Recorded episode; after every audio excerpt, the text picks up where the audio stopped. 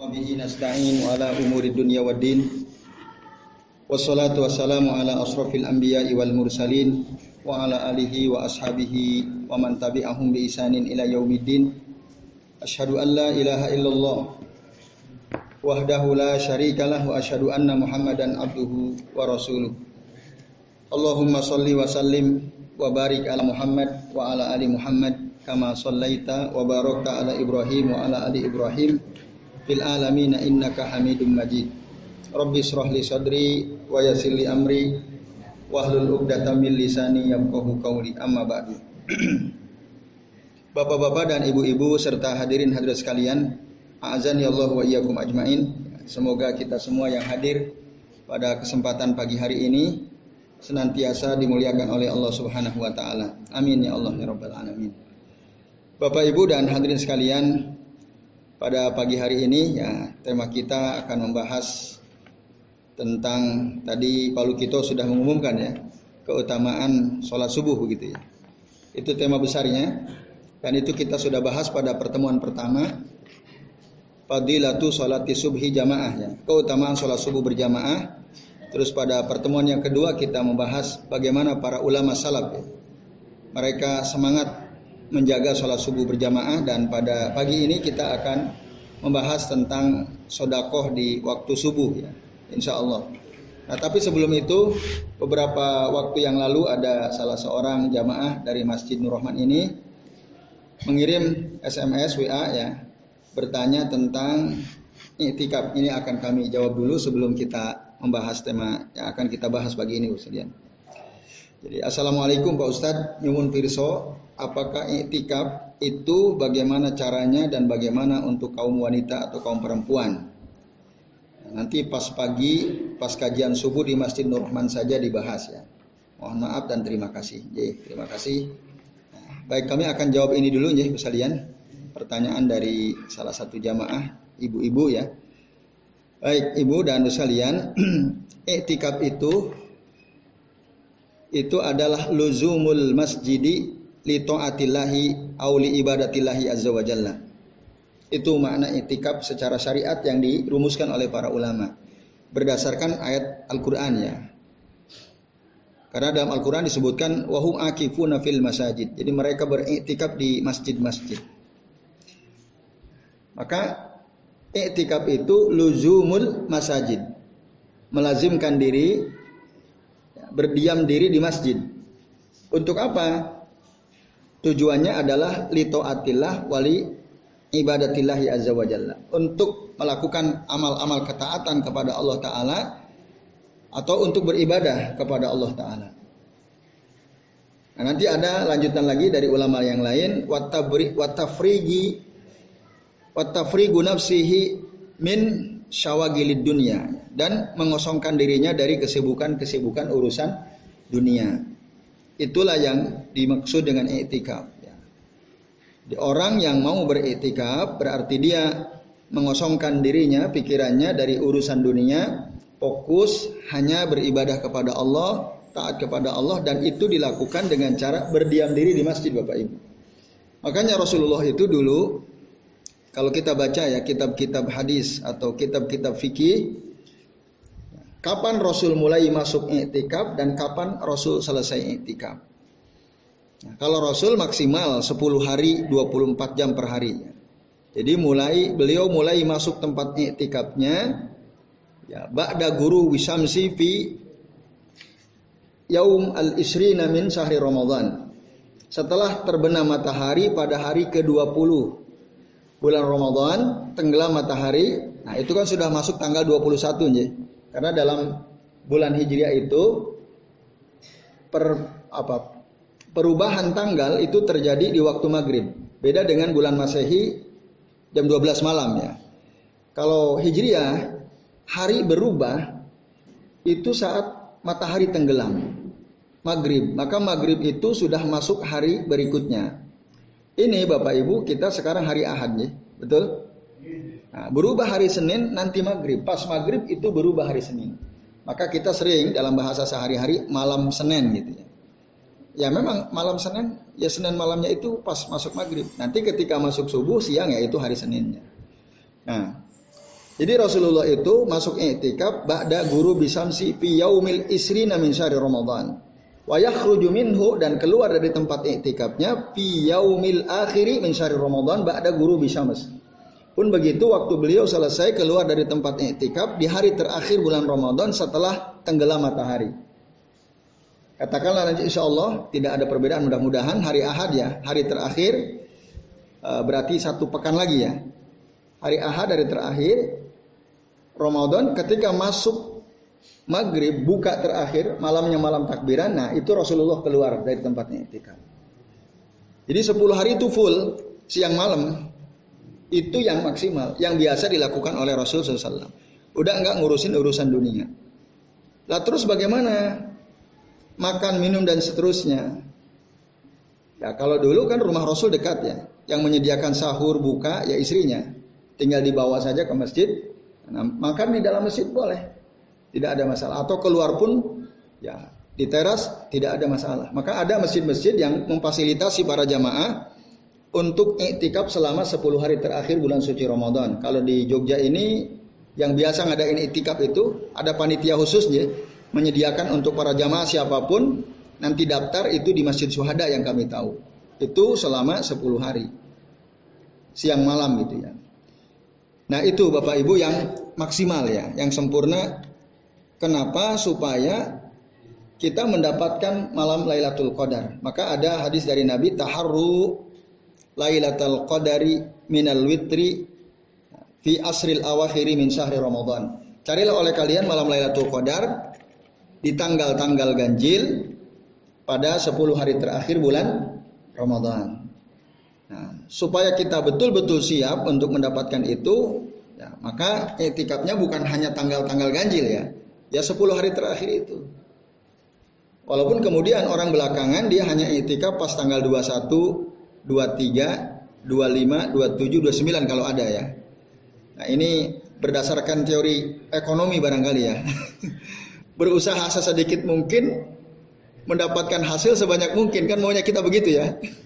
Kita itu maunya begitu ya. Usahanya sedikit tapi dapatnya banyak gitu ya. Makanya ada sebagian kita bahkan bukan hanya hari-hari ganjil, wah kira-kira yang paling kuat tanggal berapa itu toh dia itikaf, yang lainnya enggak gitu ya. Itu pun itu pun cuma sholat toh dua rakaat. Katanya itu udah dianggap itikaf. Betul Bapak Ibu ya. Memang para ulama mengatakan tidak ada batasan minimal itikaf itu berapa lama. Kalau maksimal 10 hari. Minimal berapa lama itu tidak ada batasan secara spesifik dijelaskan dalam hadis Nabi. Sehingga para ulama mengatakan, seandainya kita diam hanya 10 menit, 15 menit di masjid dengan niat etikaf, itu sudah dianggap etikaf.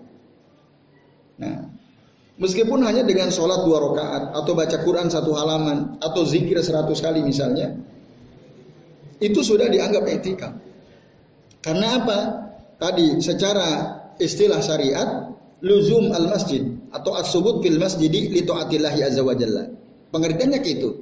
Kalau udah tinggal duduk di masjid untuk melakukan ketaatan kepada Allah itu sudah di, dianggap eh, etika. Nah, ini Bapak Ibu dan hadir sekalian ya. Tapi kalau kita mau ngikutin Rasul ya 10 hari itu. Atap boleh tidak kalau hanya sehari ya boleh, tidak ada masalah. Hanya hari-hari ganjil saja boleh. Itu semoga saja dengan demikian mudah-mudahan kita dapat. Atau hanya tanggal 27 Ramadan tok misalnya, itu juga tidak dilarang, silakan. Itu sudah termasuk bagian dari etikap. Nah, cuma soal apakah nanti kita dapat malam Lailatul Qadar atau tidak, Allah alam kita nggak tahu ya.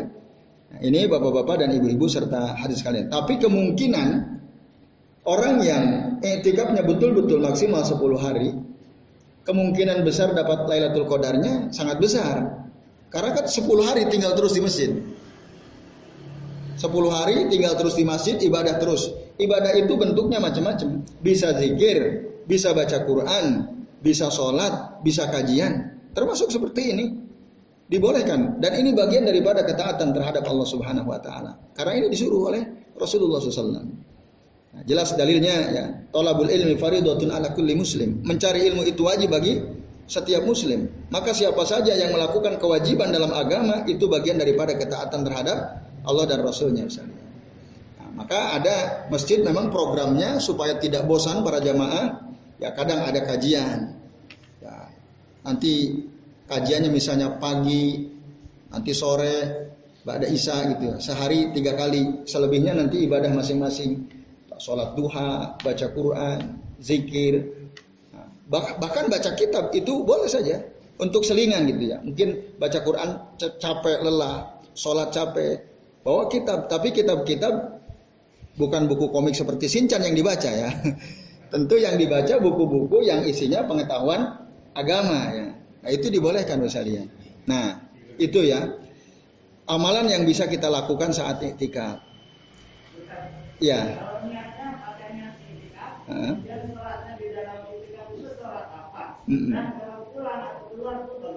Ya. Nah, niat betul Bapak Ibu itu harus diniati karena dalam hadis mengatakan innamal a'malu bin bin niat wa inna malikul limri'im manawa. Sesungguhnya setiap amal itu harus pakai niat amal soleh itu. Dan setiap orang akan mendapatkan pahala sesuai dengan yang diniatinya. Harus diniati. Saya niat iktikaf. Tapi nggak perlu dilafalkan Cukup dalam hati ketika Bapak Ibu kita berangkat dari rumah ke masjid. Dalam hati ya Allah saya niat iktikaf. Itu. Terus kalau keluar apakah membatalkan iktikaf? Nah tergantung keluarnya dalam rangka apa. Kalau keluarnya karena kita batal wudhu, untuk wudhu nggak ada masalah. Keluar karena kita sakit perut, ke kamar kecil, tidak ada masalah. Atau keluar untuk mandi, kan seharian. Masa 10 hari terakhir Ramadan nggak pernah mandi kan? Nah, tentu kita butuh mandi, bersih-bersih. Keluar untuk mandi. Kalau di masjid tidak ada fasilitas MCK, kita pulang boleh. Uh, uh, gitu. Atau untuk makan, sahur, buka itu di dibolehkan misalnya. Untuk kebutuhan mendesak itu tidak merusak atau tidak membatalkan etikap kita. Tapi kalau keluar untuk nongkrong di angkringan bisa, nah itu udah batal tuh, harus niat lagi dan seterusnya ya. Etikap untuk keperluan yang tidak mendesak, keperluan duniawi, nah itu merusak ya, membatalkan etikap, maka nanti harus memperbaharui niatnya lagi. Bahkan nanti sebagian ulama untuk ibadah-ibadah lain seperti ada orang meninggal, takziah, mengantar jenazah, menjenguk orang sakit, itu kan bagian dari ibadah juga. Tapi ketika itikaf itu tidak dilakukan. Karena tadi luzumu al masajidnya. Itu Pak. Maka hal-hal yang seperti, seperti itu boleh ditinggalkan. Bahkan nanti sebagian ulama itikaf itu ya di masjid yang satu syaratnya digunakan untuk sholat jamaah lima waktu. Itu semua ulama sepakat. Nah, terus ada perbedaan terkait apakah masjid itu harus digunakan untuk sholat Jumat atau tidak. Sebagian mensyaratkan, iya, etikaf itu harus di masjid yang digunakan untuk sholat Jumat. Agar apa? Agar dia tidak keluar-keluar. Kalau dia etikaf di musola tidak digunakan untuk sholat Jumat, nanti pas sholat Jumat dia harus keluar meninggalkan. Nah, luzum masjidnya jadi terganggu, hilang itu. Tapi itu ada khilaf dalam hal itu. Sebagian lagi mengatakan tidak ada masalah. Ya, misalnya etikap di musola tidak ada sholat Jumat tapi yang penting di situ dilakukan sholat lima waktu. Allah Nabi ya. Ada dua pendapat soal itu. Yaitu jadi keluar tergantung dari keluarnya yang seperti apa. Nah, keluar-keluar yang membutuh karena kebutuhan mendesak maka itu tidak membatalkan etikap kita. Nah, lalu bagaimana dengan kaum wanita?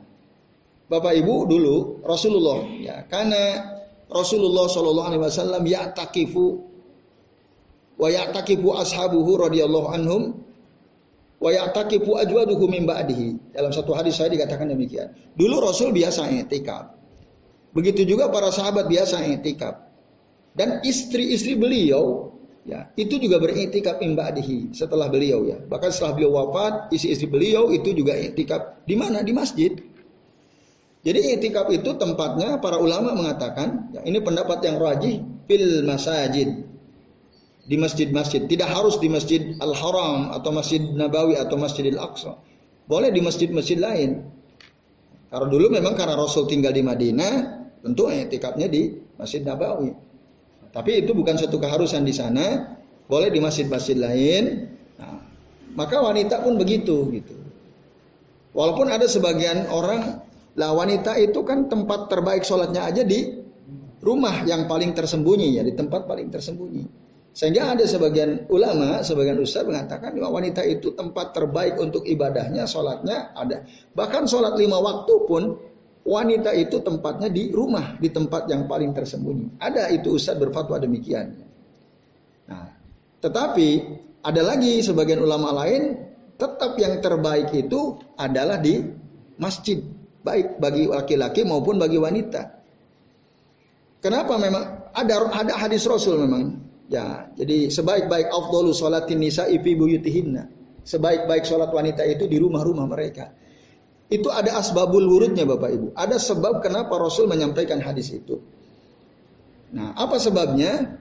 Diterangkan dalam kitab yang ditulis oleh Syekh Muhammad Al-Ghazali rahimahullah, Kaifa nata'amal ma'a hadisin Nabi sallallahu alaihi wasallam. Bagaimana kita berinteraksi dengan hadis Nabi sallallahu alaihi wasallam.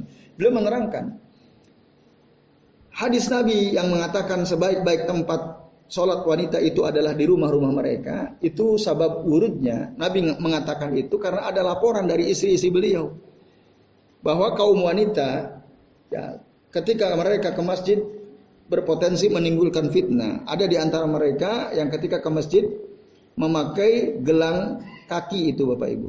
Yang apabila berjalan gemerincing itu terdengar suara perhiasannya. Nah, itu yang akhirnya Rasul mengatakan ya, sesungguhnya afdolu ya, salatin nisa ifi buyutihinna seutama-utama salat wanita itu di rumah mereka. Karena ada potensi menimbulkan fitnah. Nah, pun begitu dengan etikap ya. Etikap yang terbaik adalah di masjid dan memang tidak ada etikap kecuali di masjid gitu. Lah kan di rumah ada masjid al-bait ya atau musola al-bait ya. Biasa kan ada sebagian kaum muslimin kalau rumah rumahnya luas itu ada tempat khusus untuk sholat ya. Ya ada ya. Yang itu yang rumahnya luas biasanya ada khusus dibuat tempat sholat. Ya. Nah bapak-bapak dan ibu-ibu serta sekalian, betul sekali itu disebut musallah al-bait. Musalla al-bait atau masjidul bait. Nah tapi hukum hukumnya berbeda dengan musola atau masjid yang dibangun secara khusus digunakan untuk sholat berjamaah. Kalau di rumah kan kadang-kadang sendirian, kadang-kadang berjamaah. Dan beda yang lebih spesifik perbedaannya Bapak Ibu, kalau di rumah ya ada musola, kita bisa sholat di situ. Maka tidak ada tahiyatul masjid di musola rumah itu nggak ada. Kalau Bapak Ibu di rumah punya musola khusus gitu ya, maksudnya dalam rumah, itu nggak ada sholat tahiyatul masjid untuk musola yang ada di rumah itu nggak ada, nggak ada. Yang ada itu ya di masjid seperti ini atau di musola yang dibangun di tempat khusus di ruang publik dan siapa pun boleh sholat di situ. Itu yang ada tahiyatul masjid. Coba kalau musola di rumah kita ada orang lain musafir gitu ya, tiba-tiba berhenti di rumah kita mau masuk sholat di musola rumah kita, boleh atau tidak? Kira-kira? Enggak, orang enggak kita kenal, tiba-tiba kan rumah ini fasilitasnya ada kamar tiga, kamar mandi dua, ada kamar tamu, ada musola gitu ya dalam rumah. Misal ya. Terus ada orang kita nggak kenal dia, oh ada musolahnya nih. Udahlah saya berhenti mau sholat di musola rumah tersebut di rumah kita. Kira-kira kita izinkan tidak? Enggak kan? kita nggak mungkin izinkan. Nah itu berarti bukan musola publik ya. Nah, makanya kita nggak bisa itikaf di tempat seperti itu. Dan kalau kita jual musola di rumah itu bisa nggak dijual sama rumahnya? Boleh. Tapi kalau Masjid Rahman kita jual boleh nggak? Nggak boleh. Karena wakaf untuk umat. Nah, para ulama mengatakan itu jadi beda. Kalau ada wanita mau itikaf, itikaf di musola rumahnya itu nggak bisa. Musola itu ya di masjid, masjid di situlah itikaf.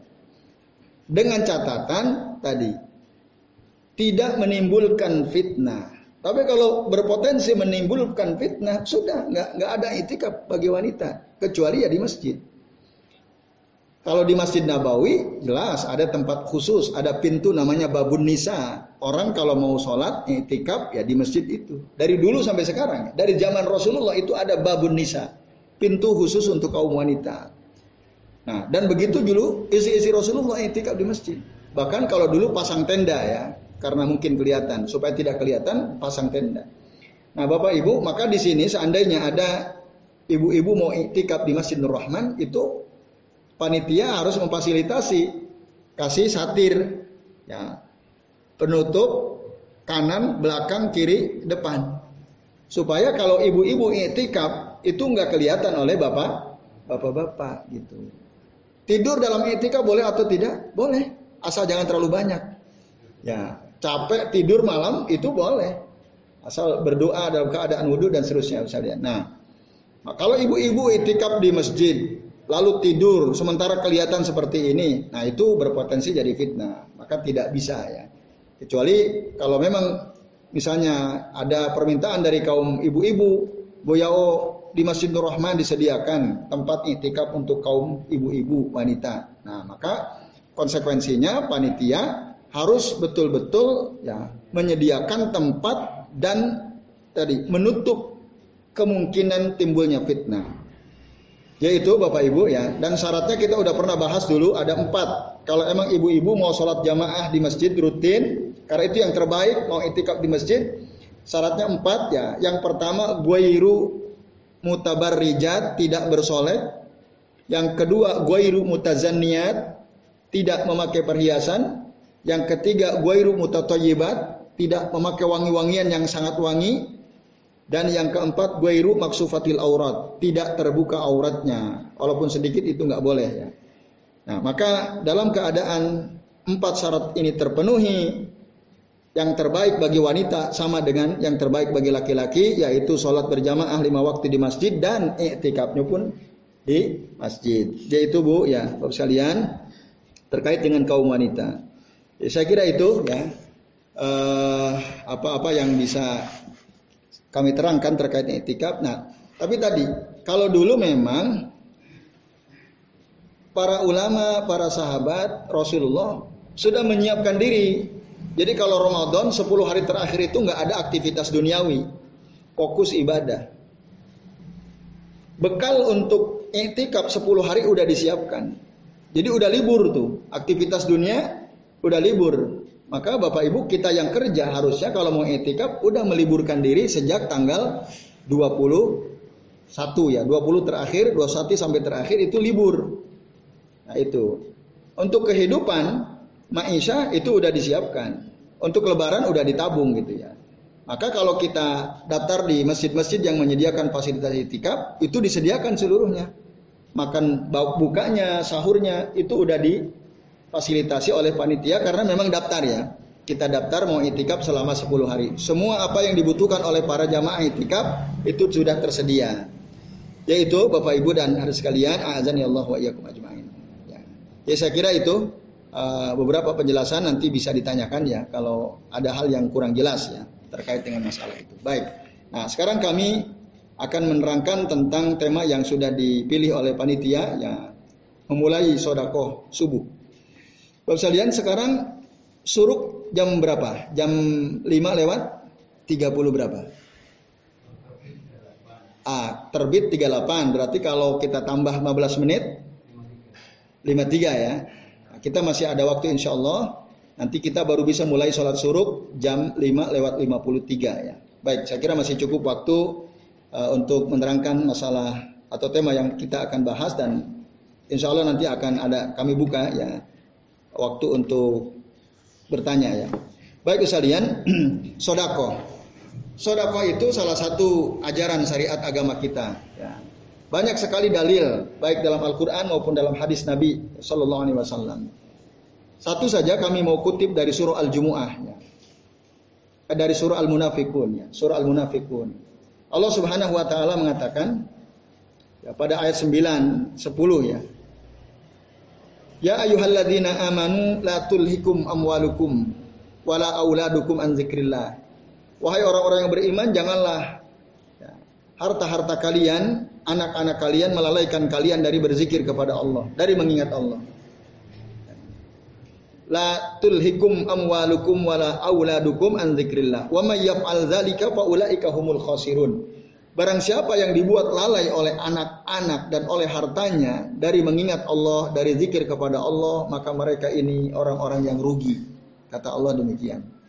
Lalu kemudian wa anfiku mimma razaqnakum min qabli ayyatiya ahadakumul maut Berinfaklah kalian dari sebagian yang telah kami rezekikan kepada kalian. Berinfaklah kalian, keluarkanlah harta kalian dari sebagian apa yang sudah kami berikan kepada kalian sebagai rezeki. Mimma razaqnakum min qabli ayyatiya ahadakumul maut sebelum datang kepada kalian kepada salah seorang di antara kalian kematian. Itu kata Allah. Jadi berinfak keluarkan sodako. Fayakul kalau dia enggak segera mengeluarkan sodako berinfak, fayakula maka dia nanti akan menyesal dia berkata, laula akhartani ila ajalin qarib. Ya, ya Allah, tidakkah ya, engkau akhirkan kematian kami ila ajalin qarib. Ya, sebentar saja. Ketika orang itu mati, sakaratul maut, dia baru ingat. Lalu dia menyesal, dia minta pada Allah untuk ditangguhkan kematiannya. Diakhirkan sebentar saja. Laula akhartani ila ajalin qarib. Untuk apa Pak Asoddaqo? Supaya aku bisa bersodako. Wa akum minas salihin dan supaya aku menjadi golongan orang-orang yang soleh. Penyesalan tiada guna Bapak Ibu yang diucapkan oleh setiap kita kalau kematian sudah mendekat ya kepada kita. Nah, sampai secara khusus Allah sebutkan ada nanti orang-orang dia menyesal pas sudah sakaratul maut dia tidak sodako. Dia minta diakhirkan sebentar saja supaya dia bisa sodako dan supaya dia menjadi golongan orang-orang yang soleh. Nah, penyebutan kata Pak Asoddako wa aku minos solihin di sini diberi apa penekanan oleh Allah Taala dan ini menunjukkan bahwa bersodakoh itu memang sangat penting. Nah sampai-sampai Nabi mengatakan ya ittaku an-nara walau bisiki tamratin. Peliharalah diri kalian dari siksa api neraka walaupun hanya bersodakoh satu biji kurma. Bayangkan. Hanya sodakoh bisiki tamrah. Jadi jangan anggap remeh sodakoh meskipun hanya sebiji kurma. Kata Rasul, jaga diri kalian. Fa'ilam tajidu. Kalau emang kita sama sekali nggak punya harta untuk bersodako, bahkan untuk sodako dengan satu kurma pun tidak bisa, fa'ilam tajidu fabi kalimatin tayyibah. Ya minimal kita mengucapkan kalimat-kalimat tayyibah. Kalau emang kita nggak punya. Dan saya yakin kita semua insya Allah punya ya. Sodako satu dua biji kurma bisa nggak kira-kira Bapak Ibu? Oh bisa itu ya, insya Allah. Ya kalau dalam bentuk uang mungkin 2000, 5000 ya kita bersodako. Itu fungsinya untuk apa? Menjaga diri kita dari siksa api neraka. Sodako itu meskipun sedikit itu bisa berfungsi tadi yattaki nafsahu min ajabinar. Memelihara dirinya dari siksa api neraka. Jangan malas untuk bersodako, jangan bakhil untuk bersodako sekalian. Udah kalau ada orang butuh kita kasih dan seterusnya.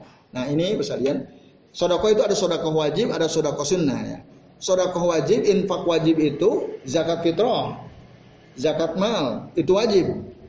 Nah kalau sodako sunnah itu dan termasuk sodako wajib, infak wajib itu untuk keluarga, untuk anak, untuk istri yang ditanggung. Itu wajib hukumnya, termasuk infak wajib itu. Seorang suami wajib hukumnya berinfak untuk kebutuhan anak dan istrinya. Itu wajib. Ya, sama wajibnya seperti dia zakat itu. Maka kalau ada seorang suami kok nggak mau menafkahi istrinya itu dosa besar. Karena istri anak adalah ya tanggung jawab suami berinfak untuk anak istri adalah suatu kewajiban. Nah, itu pun nilainya sodako kalau diniati untuk taat kepada Allah dan Rasulnya, misalnya. Bahkan sebaik-baik sodako dalam ya sebaik-baik sodako itu adalah sodako ya, dalam arti yang wajib tadi ya untuk anak istri dan orang-orang yang ada di bawah tanggungannya. Itu baru nanti kalau itu sudah terpenuhi dalam arti tidak berlebihan gitu ya. Cukup. Nah, kita bersodakoh kepada yang lain yang membutuhkan. Ya gimana Pak? Silakan. Kalau suaminya sudah tidak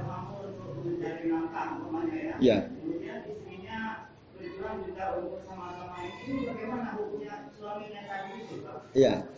Baik, terima kasih Pak. Berarti ada uzur kan?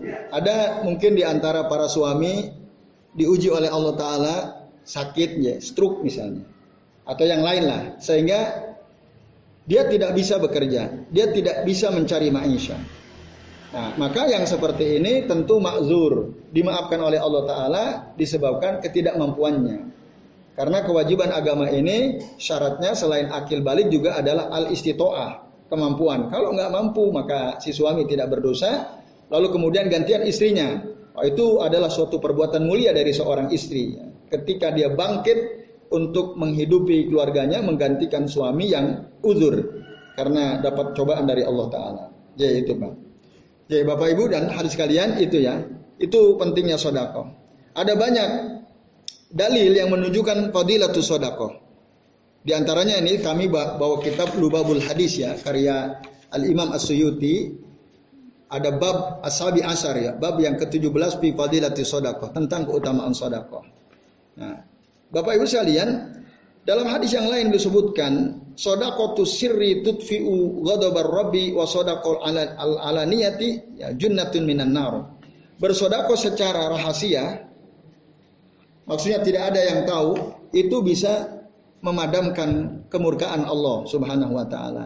Sementara sodako yang kelihatan, masa waktu kita sodako ada orang yang lihat maka itu junnatun minan nar itu bisa menjadi perisai bagi kita untuk dari siksa api neraka. Jadi sodako itu baik ada yang tahu atau tidak ada yang tahu, dua-duanya adalah baik. Ya. Dua-duanya baik. Kalau tidak ada yang tahu itu bisa memadamkan kemurkaan Allah Ta'ala. Tapi kalau ada orang melihat waktu kita sodako itu bisa jadi junnah. Junnah itu perisai yang bisa menjaga kita dari siksa api api neraka. Nah ini Bapak Ibu dan hadirin sekalian, azan ya Allah wa iyyakum ajmain. Nah itu dan masih banyak yang lainnya ma, ma nakuso malun min sodakotin harta yang kita sodakokan tidak akan berkurang. Ya. As sodakotu tarudul bala. Ya. Sodako itu bisa mencegah bala. Gitu. Waktu tawilul umroh dan bisa memperpanjang umur atau menjadikan umur kita berkah. Nah, itu di antara beberapa dalil yang menunjukkan tentang fadilatus sodako.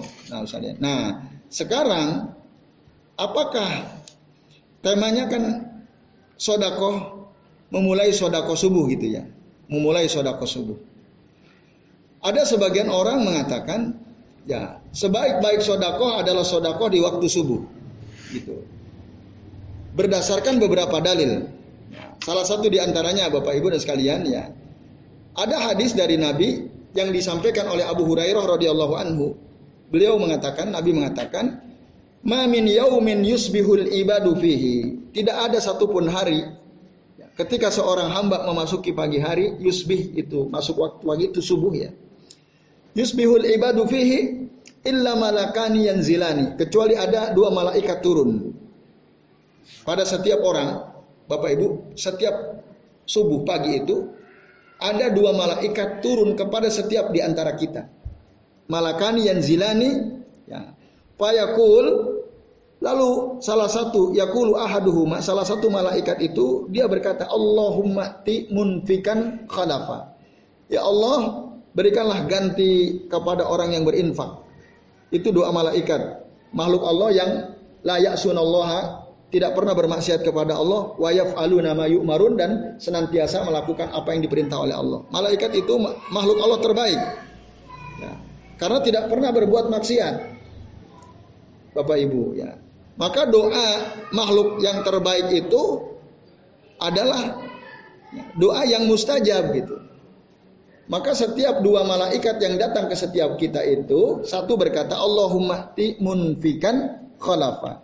Ya Allah berikanlah kepada orang yang berinfak mengeluarkan hartanya ganti. Itu doa malaikat kepada setiap orang yang berinfak bersodakoh. Sementara yang lain mengatakan, ya, fayakulul akhar, Allahumma mumsikan talafa. Ya Allah berikanlah kepada orang yang mumsik. Mumsik itu nggak mau sodako, nggak mau berinfak. Talaf itu kehancuran. Nah itu, itu doa malaikat yang satunya lagi. Jadi orang yang tidak bersodakoh, ya, didoakan oleh para malaikat agar harta yang dia milikinya itu hancur dibinasakan oleh Allah taala. Bahkan ada sebagian ulama sekalian bukan hanya hartanya termasuk dirinya. Ya, didoakan oleh malaikat tersebut supaya mengalami kehancuran. Walaupun nanti ada sebagian ulama yang mengatakan yang dimaksud ya talafun nafsi sahibul mal al murad minhu yakni fawatu a'malil birri bitasagul bigairiha. Dia akan kehilangan banyak kesempatan untuk beramal baik pada hari tersebut karena dia tidak bersodakoh. Nah, dia akan tadi ya binasa artinya fawatu a'mali albirri bitasaguli bigairiha hilang kesempatan-kesempatan dia untuk beramal baik dan dia sibuk dengan amal lain, bukan dengan amal-amal kebaikan.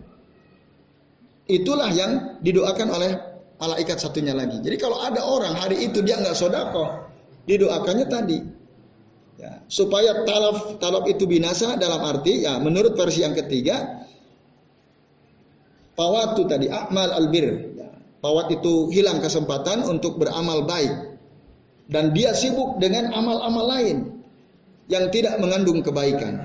Nah, di sinilah pentingnya bersodakoh Bapak Ibu. Nah, sebagian ulama mengatakan ya, ada kata-kata yusbihu, ya, mamin yaumin yusbihul ibad fihi. Nah, ada kata yusbih, yusbih sod ya, sobah, subuh. Itu satu akar kata. Nah dari sinilah kemudian ada sebagian orang menyimpulkan sodakoh terbaik itu di pagi hari, di waktu subuh, gitu ya, di waktu subuh, nah, di waktu awal-awal kita memasuki hari.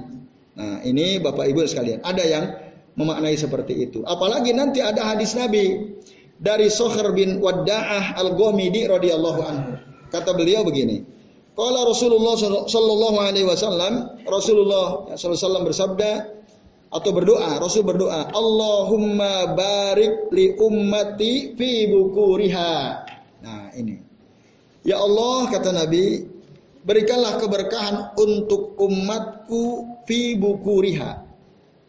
Bukur itu adalah waktu pagi-pagi, ya waktu subuh, bukur, bukroh ya maka dalam Al-Quran bukro wa asila.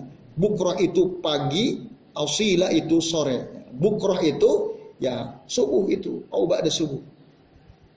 Nah, waktu terbaik itu pagi-pagi. Itu Bapak Ibu dan hadirin sekalian, azan ya Allah wa iyyakum ajmain. Sehingga ya ada sebagian ulama mengatakan kalau kita mau beraktivitas beraktivitas segera itu pagi-pagi.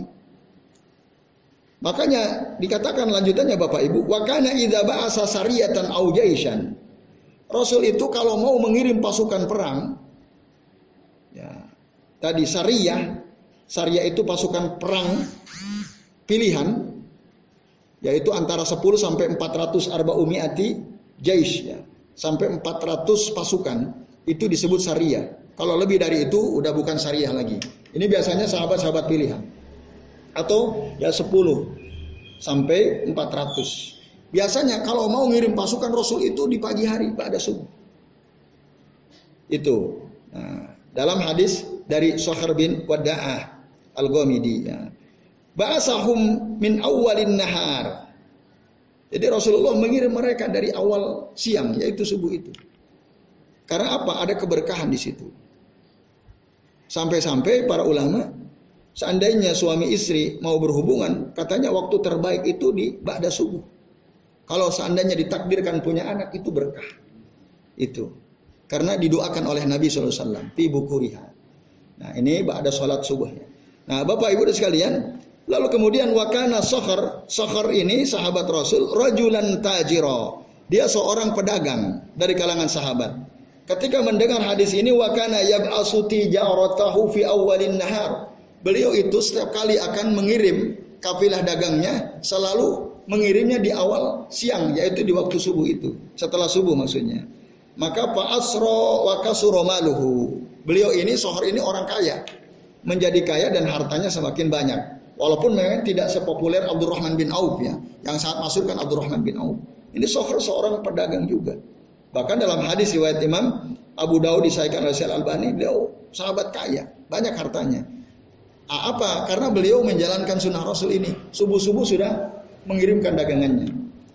Nah ini maka ibu-ibu barangkali ya yang pagi-pagi udah ke pasar, entah termotivasi hadis ini atau apa saya nggak tahu itu ya. Semoga saja termotivasi hadis ini.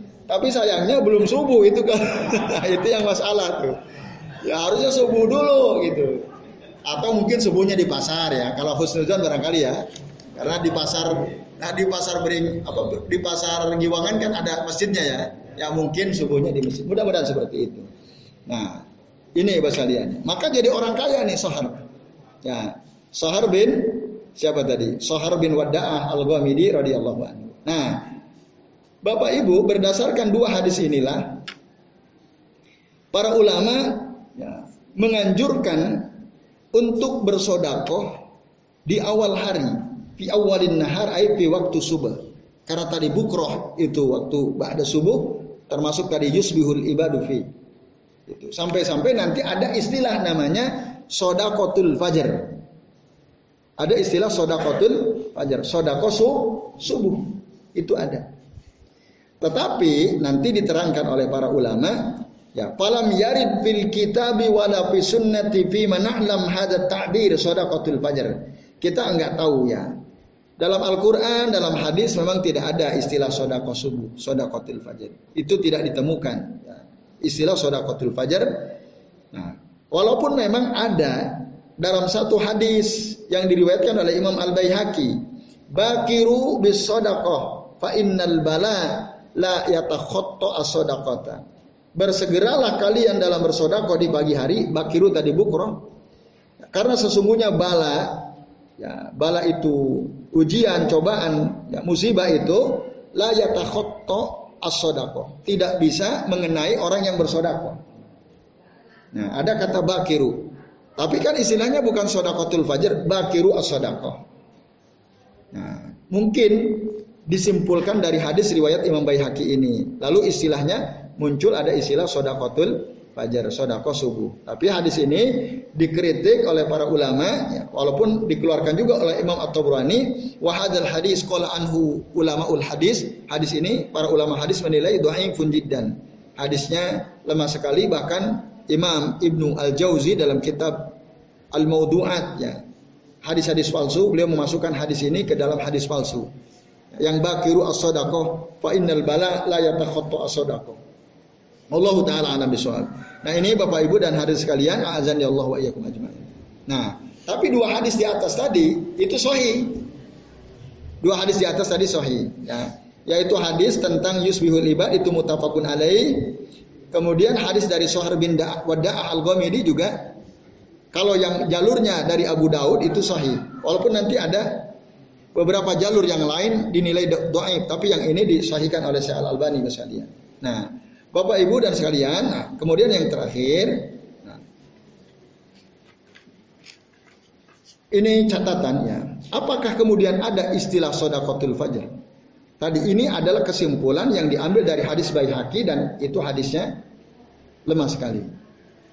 Lalu kesimpulannya Bapak Ibu, kalau kita mau baca lagi hadis Nabi yang lain terkait dengan hadis Sahih yang pertama tadi, yusbih maaf, ma min yaumin yusbihul ibadu fihi.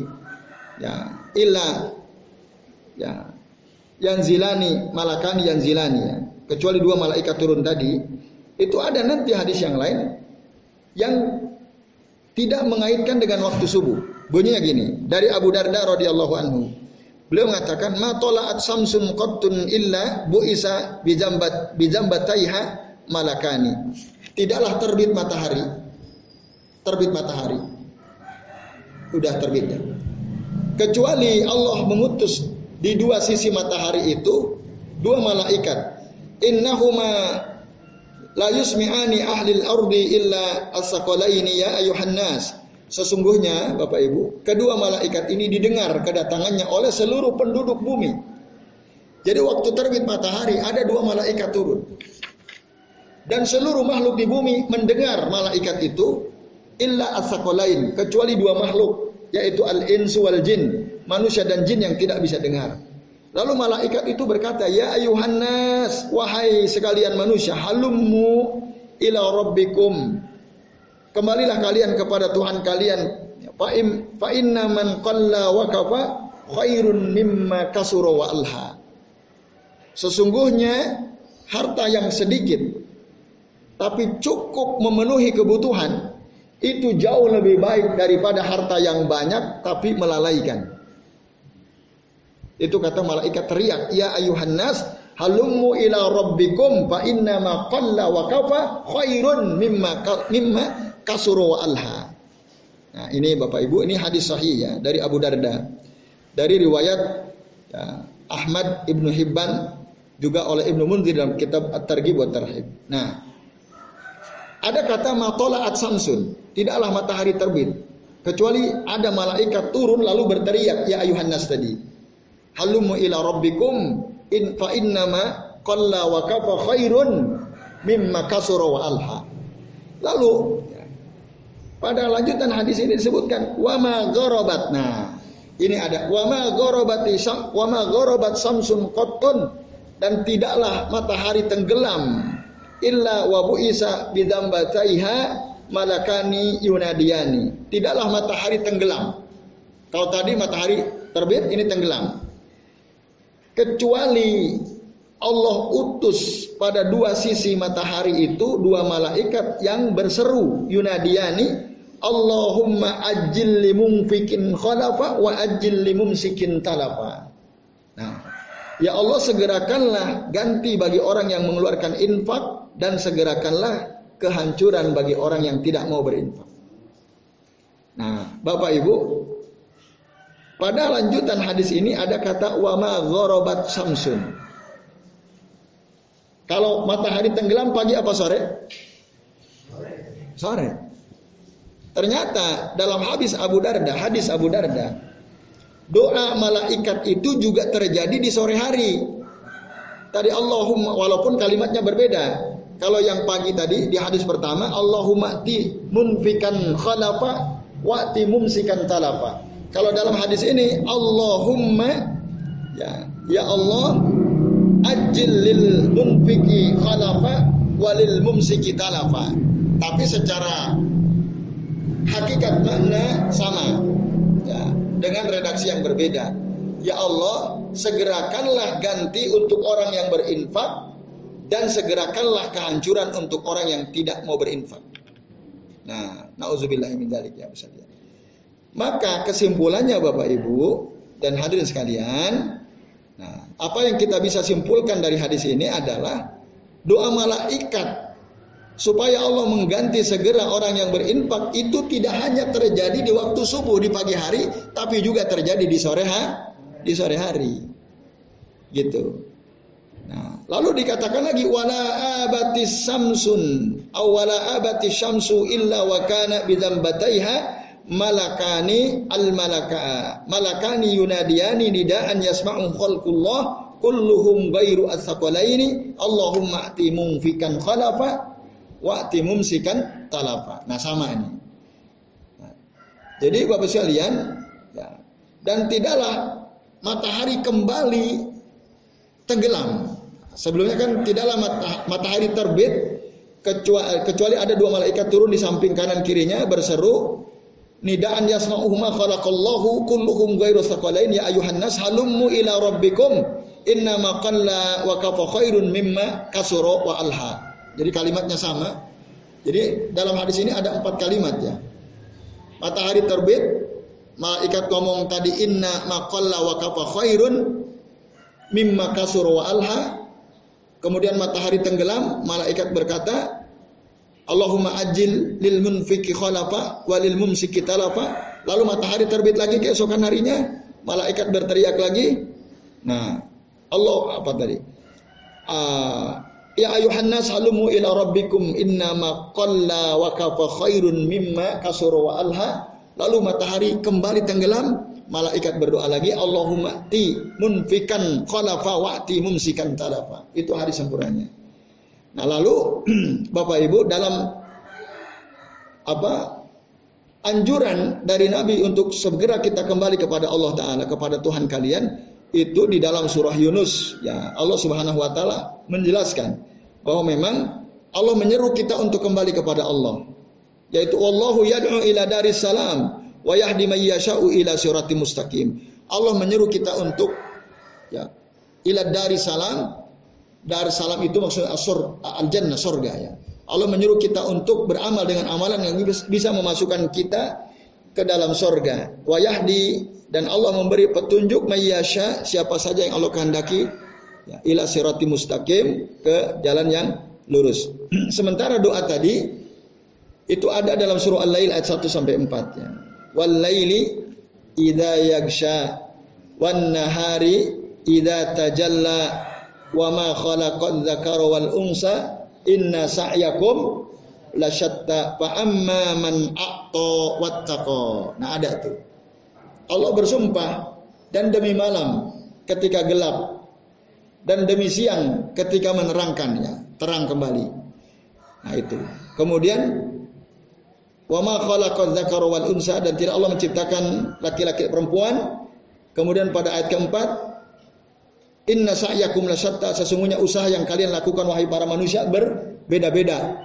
Ada yang guru, ada yang pedagang, ada yang pengusaha, macam-macam. Lasyatta. Lalu Allah bilang fa amma man a'ta dan adapun orang yang a'ta. A'ta itu memberi memberi harta kepada orang yang membutuhkan. Wattaqo dan dia bertakwa. Terus apa lanjutannya? Fa amma man a'ta wa saddaqa bil husna. Fasanu yassiruhu lil yusra. Lalu dia sodako bil husna. Yang dimaksud sodako bil husna itu dia percaya dengan adanya balasan kebaikan. Dia percaya dengan adanya sorga. Waktu dia sodako, dia beri, itu dia yakin pasti Allah akan balas. Maka orang yang seperti itu, apa lanjutnya? Pasanu yassiruhu lil yusra. Kami akan mudahkan dia untuk beramal dengan amal-amal soleh. Mudah gitu ya. Nah itu bagi siapa? Orang yang suka sodako atau wattaqo. Nah ini Bapak Ibu dan sekalian maka berdasarkan hadis ini ya kesimpulannya sodako itu ya baik dilakukan di waktu subuh atau di waktu siang atau di waktu sore atau di waktu malam sama saja tetap akan mendapatkan doa itu. Ya silakan.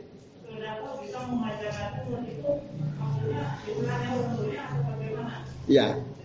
Baik, terima kasih Pak. Itu maksudnya bagaimana? Sementara la yuakhirullahu nafsan idza jaa ajaluha. Allah tidak mungkin mengakhir-akhirkan ajal apabila sudah datang. Bahkan kematian itu la yastakhiruna sa'ata wa la yastaqdimun dalam ayat yang lain. Seorang pun di antara kita tidak bisa mengakhir-akhirkan kematiannya atau bisa mengawalkan kematian kematian nggak bisa. Lah kok sodako bisa yutawilu al umar. Ada dua pendapat. Pendapat yang pertama, karena ajal sudah ditetapkan, misalnya jenengan sekarang usia berapa pak? 73. Ah 73. Oleh Allah, nun saya Pak Sinta Pak, aduh lupa saya nama antum. Pak? Pak? Pak Romli ya. Dicatat di Lohir Mahfud, Pak Romli meninggal usia 73 setengah. Tiga setengah tahun loh Pak. Nah ya, misalnya kan di Lauhil Mahfud. Nah, kalau sudah ditetapkan di Lauhil Mahfud, Pak Romli itu meninggal 73 setengah, bisakah diakhirkan? Ah, ya Allah ingin 80 tahun saja, nggak bisa. La yuakhirullahu nafsan idza jaa ajaluha.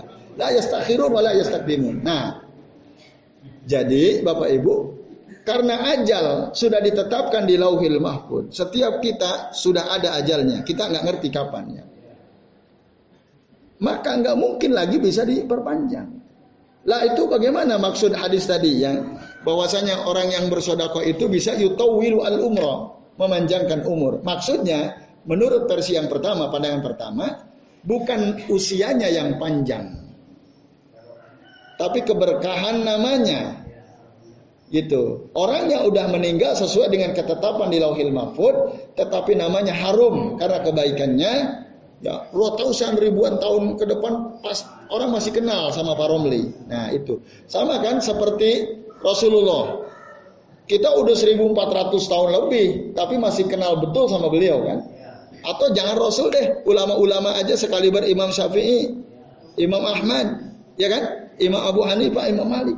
Kita kenal beliau-beliau padahal kita jauh dengan mereka zamannya. Tapi ketika kita dengar nama Imam Syafi'i langsung, oh iya, Imam Malik iya. Itu yang dimaksud dipanjangkan usia.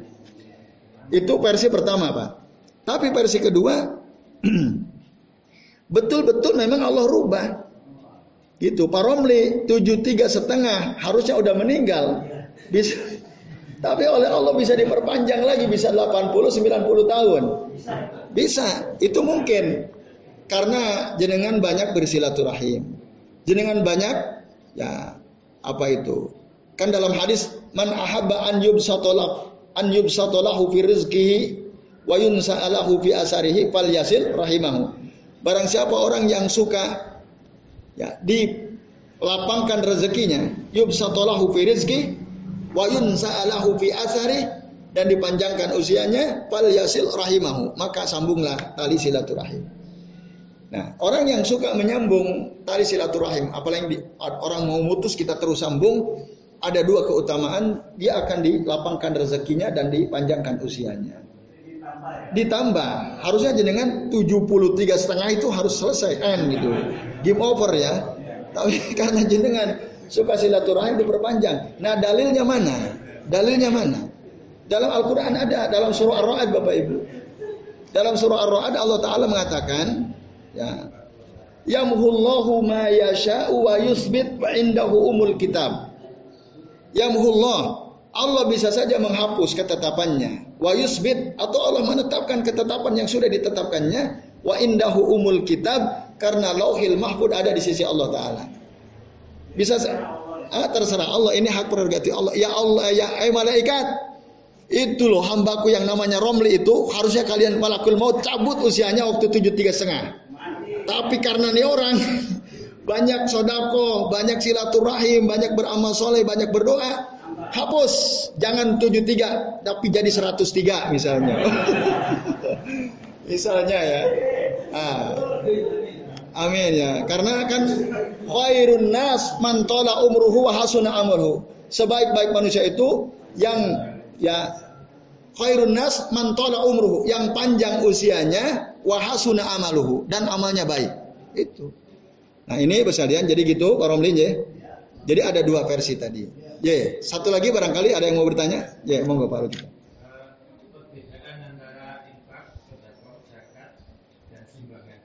Ah, sumbangan itu bahasa Indonesia tuh sumbangan tuh ya. Kalau sodako infak zakat bahasa Arab sama sumbangan ya. Apa bedanya gitu ya? Satu tadi sumbangan itu bahasa Indonesia ya. Dalam bahasa Arab nggak ada sumbangan. Adanya infak sodako zakat. Apa bedanya?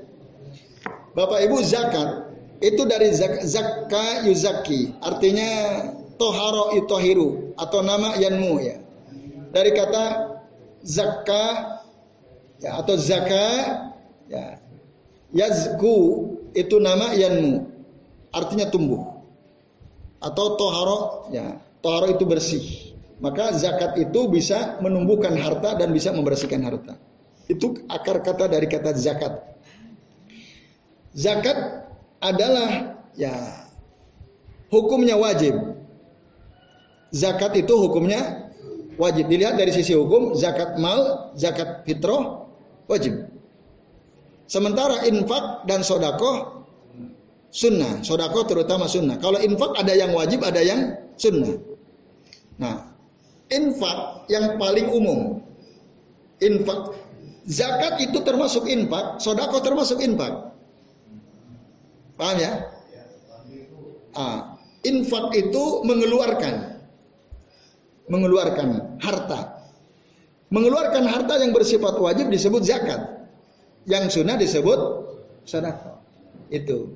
Jadi kepalanya ini kalau dengan dilihat dari sisi bahasa ya. Infak itu adalah mengeluarkan harta. Ikhraj al-amwal ya. Yang sifatnya wajib maka namanya zakat. Yang sifatnya sunnah namanya so sodako. Itu Ustaz. Maka ada infak wajib. Tapi yang wajib bukan hanya zakat nanti. Termasuk infak untuk anak istri tadi. Itu infak, mengeluarkan harta untuk membiayai hidup anak dan istri. Ya. Untuk makan, untuk tempat tinggal, termasuk untuk pakaian. Jadi kalau ada ya.